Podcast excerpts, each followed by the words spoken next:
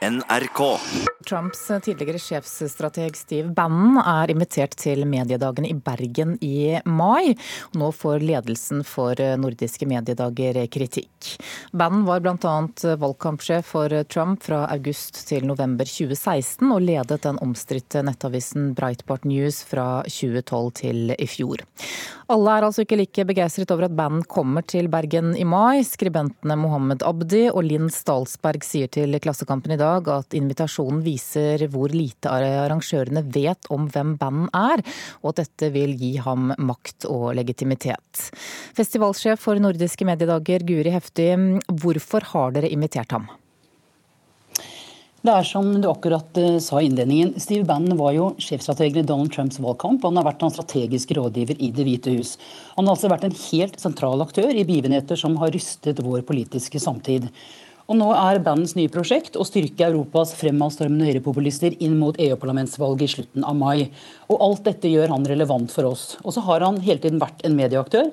Han utviklet Breitbart News som du nevnte, fra å være et nisjenettsted til å bli en utfordrer for de store etablerte mediene. Og, hvis, og mediene fremstilles også ofte som fienden. Han kaller jo tradisjonelle medier for the opposition party. Og Alt dette er utviklingstrekk som bekymrer og interesserer alle som er opptatt av samfunnsutvikling generelt, og medienes rolle spesielt. Og Derfor var vi ham komme til Bergen. Hvordan ser du på den kritikken som kommer nå? Altså, vår oppgave er å forholde oss til virkeligheten slik den er, og ikke slik vi skulle ønske at den var. Eh, å gjøre et intervju med Steve Bannon på mediedagene det er jo ikke en tilslutning til mannens politiske agenda. Det er viktig å si. Og Mediedagene er fundert på en bred forståelse av ytringsfrihetens verdi, og vi er opptatt av å snakke med folk, også de vi er uenige med. For dette handler altså ikke om å like eller ikke like Steve Bannon. Det er fenomenet Bannon og høyrepopulismens fremvekst og angrep på mediene vi må forsøke å forstå og analysere. Men er ikke en invitasjon til mediedagene en slags anerkjennelse av Bannon, da, i alle fall, og det han har på hjertet? Nei, Tvert imot, det er å ta ham på det største alvor. Nordiske mediedager er jo ingen scene for politisk propaganda. Eh, og vi er trygge på at eh, våre delegater eh, og deres evne til kritisk tenkning, at de tåler å høre også meninger som de er sterk, kan være uenige i. Og så er det jo viktig å si at Dette er jo en fagkonferanse for mediebransjen, det er ikke et folkemøte på Trollallmenningen. Og det er et intervju, ikke en politisk appell eller et foredrag. Skribent Mohammed Abdi mener at dette er å gi den største medieplattformen i Norden til en mann som står for en ideologi som truer eksistensen og rettighetene til etniske, religiøse og seksuelle minoriteter i USA. Hva sier du til det?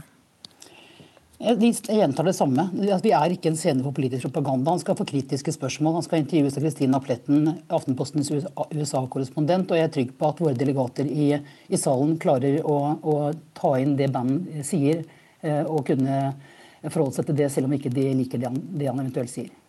Har det noen grense da, for hvem som får snakke under mediedagen i Bergen? Det har vi sikkert, men det må vi jo vurdere fra, fra gang til gang i forhold til programmeringen. Og så har jeg lyst til å legge til at Steve Bannon og intervjuet med han er en av over 50 fagsesjoner vi har på programmet i mai. Og en annen er f.eks. Anne Applebaum, som kanskje er den som har skrevet mest innsiktsfullt av alle om eh, høyrepopulistenes, eh, høyrepopulistenes fremvekst i Europa. Hun er eh, spaltist i Washington Post og Pulitzer-vinner og har en helt syk inn, eller god kjennskap til dette. Guri Hefti, festivalsjef for nordiske mediedager, takk for at du var med direkte her i Nyhetsmorgen. Gyldendal har bestemt seg for å gi ut en ny versjon av diktsamlingen de trakk fra markedet tidligere i måneden. Samlingen endres etter at forfatteren ble beskyldt for plagiat. Dette er et eh, forfatterskap vi har stor tro på. Vi tror det har en fremtid, og vi har tenkt å utgi disse bøkene på nytt etter en grundig gjennomgang. Det sier sjefredaktør for norsk skjønnlitteratur i Gyldendal, Kari Marstein. Hun utelukker ikke at forfatteren kan gjøre comeback. Det er ikke sikkert det blir så lett, men uh, vi ser at forfatteren har hatt veldig ansvar for situasjonen. Hun er forferdelig lei seg og har trengt noe tid til å tenke gjennom og se hva det er som har skjedd. Uh, og jeg tror at, uh, at hun kan komme tilbake med det talentet hun har. Bøkene det gjelder, er skrevet av forfatteren Eirin Gundersen. Når den nye versjonen kommer, er ikke forlaget sikre på. Det er litt tidlig å si, for vi skal ta en veldig grundig gjennomgang. Og dette begynner vi når det gjelder eh, denne nye utgaven, først med nå. Og her, i stedet for å ha det travelt, så velger vi å gjøre et ordentlig arbeid. Marstein er tydelig på årsaken til at de trakk diktsamlingene i utgangspunktet. Vi ble oppmerksomme på en del tilfeller av likhet eh, mellom forfatterens verk og enkelte poeters dikt. Og I samråd med forfatteren så valgte vi da å trekke disse bøkene fra markedet. Det gjorde vi av hensyn til de berørte poetene. Og i en slik handling så ligger det en veldig tydelig beklagelse både fra forlaget og forfatterens side. Om det at Gyldendal nå reviderer boka er nok til at Kulturrådet gir tilbake støtten, er foreløpig uklart. Avdelingsleder Arne Vestby i Kulturrådet sier at det er en avveining de må ta når en eventuell søknad kommer. Reportere her var Brage Lijord og Øystein Tronsli Drabløs. Kulturreporter Vibeke Sederquist, um, forfatteren selv har snakket med VG om det som har skjedd. Hva sier hun? Hun sier at hun er veldig lei seg, og hun beklager det som eh, har skjedd. Hun sier også at det har vært en veldig tung tid, og så takker hun for eh, støtten hun har fått fra venner og forlaget sitt. da. Men Hvordan forklarer hun det som har skjedd? Hun sier at hun har en dum gammel vane med å skrive ned setninger som inspirerer hun. Alt fra replikker hun hører på bussen, til setninger i bøker og SMS-er fra venner osv. Og da har hun altså da, når hun skrev boken sin, eh, klart å forveksle disse setningene med sin egen fantasi, rett og slett. Men det er nok mer enn bare setninger det er snakk om eh, også, fordi sjefredaktør for norsk skjønnlitteratur eh, i Gyldendal, Kari Marstein, sier at de har gått gjennom Gundersens tre bøker og funnet minst fem forfatteres andre tekster i Gundersens diktbøker. Takk skal du ha, kulturreporter Vibeke Sederquist. Denne helgen er det norgespremiere på, på filmen Cold Pursuit. Dette er en amerikansk nyinnspilling av den norske filmen Kraftidioten fra 2014, der Stellan Skarsgård hadde hovedrollen. Nå er det Liam Neeson som spiller brøytebilsjåføren som vil hevne drapet på sønnen sin. I'm very honored to be named Kehoe Citizen of the Year. I'm just a guy who keeps a strip of civilization open. Den som forventer en hevnefilm med Liam Neeson i sedvanlig Taken-modus, må belage seg på en litt annerledes stil. Cold Pursue er nemlig en nyinnspilling av den norske filmen Kraftidioten fra 2014.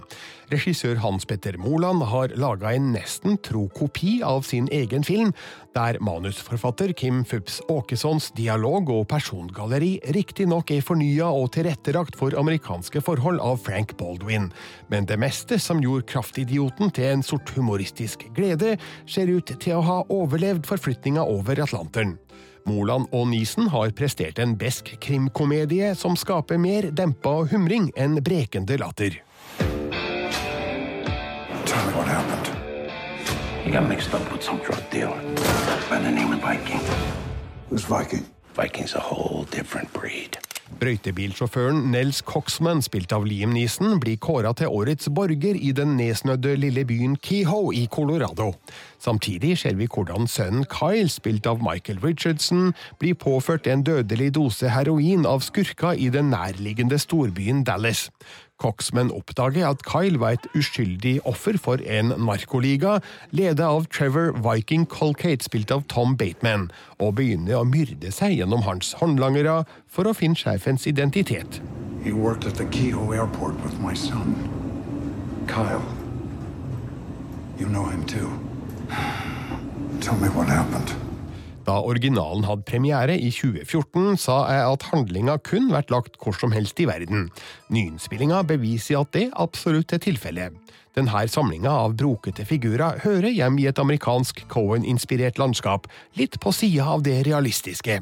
Den morbide humoren passer kanskje faktisk bedre inn i et land der man vet det skytes en hel del mer enn i Norge, men den mister derfor også litt av brodden, fordi kontrasten mellom fiksjon og opplevd eller antatt virkelighet blir mindre. What makes you think you can kill a man? I've killed three of his guys. Nyinnspillinga kan være en risikabel aktivitet, men Cold Pursue er heldigvis et ganske vellykka eksempel. Det er mulig Hans Petter Moland ikke så noen verdi i å gjøre store forandringer på en allerede god film, for det stilistiske uttrykket er svært likt. Man kan jo lure på hvorfor han ville ha brukt tid og krefter på å fortelle den mer eller mindre samme historien en gang til på så å si den samme måten, men Cold Pursue gjør ikke skam på originalens mørke humor, tvilsomme persongalleri og skarpe miljøskildringer. Nels Coxman, Citizen of the Year. Terningkast fire. Ja, filmen ble anmeldt av vår kritiker Birger Vestmo. Den har også norgespremiere nå i helgen.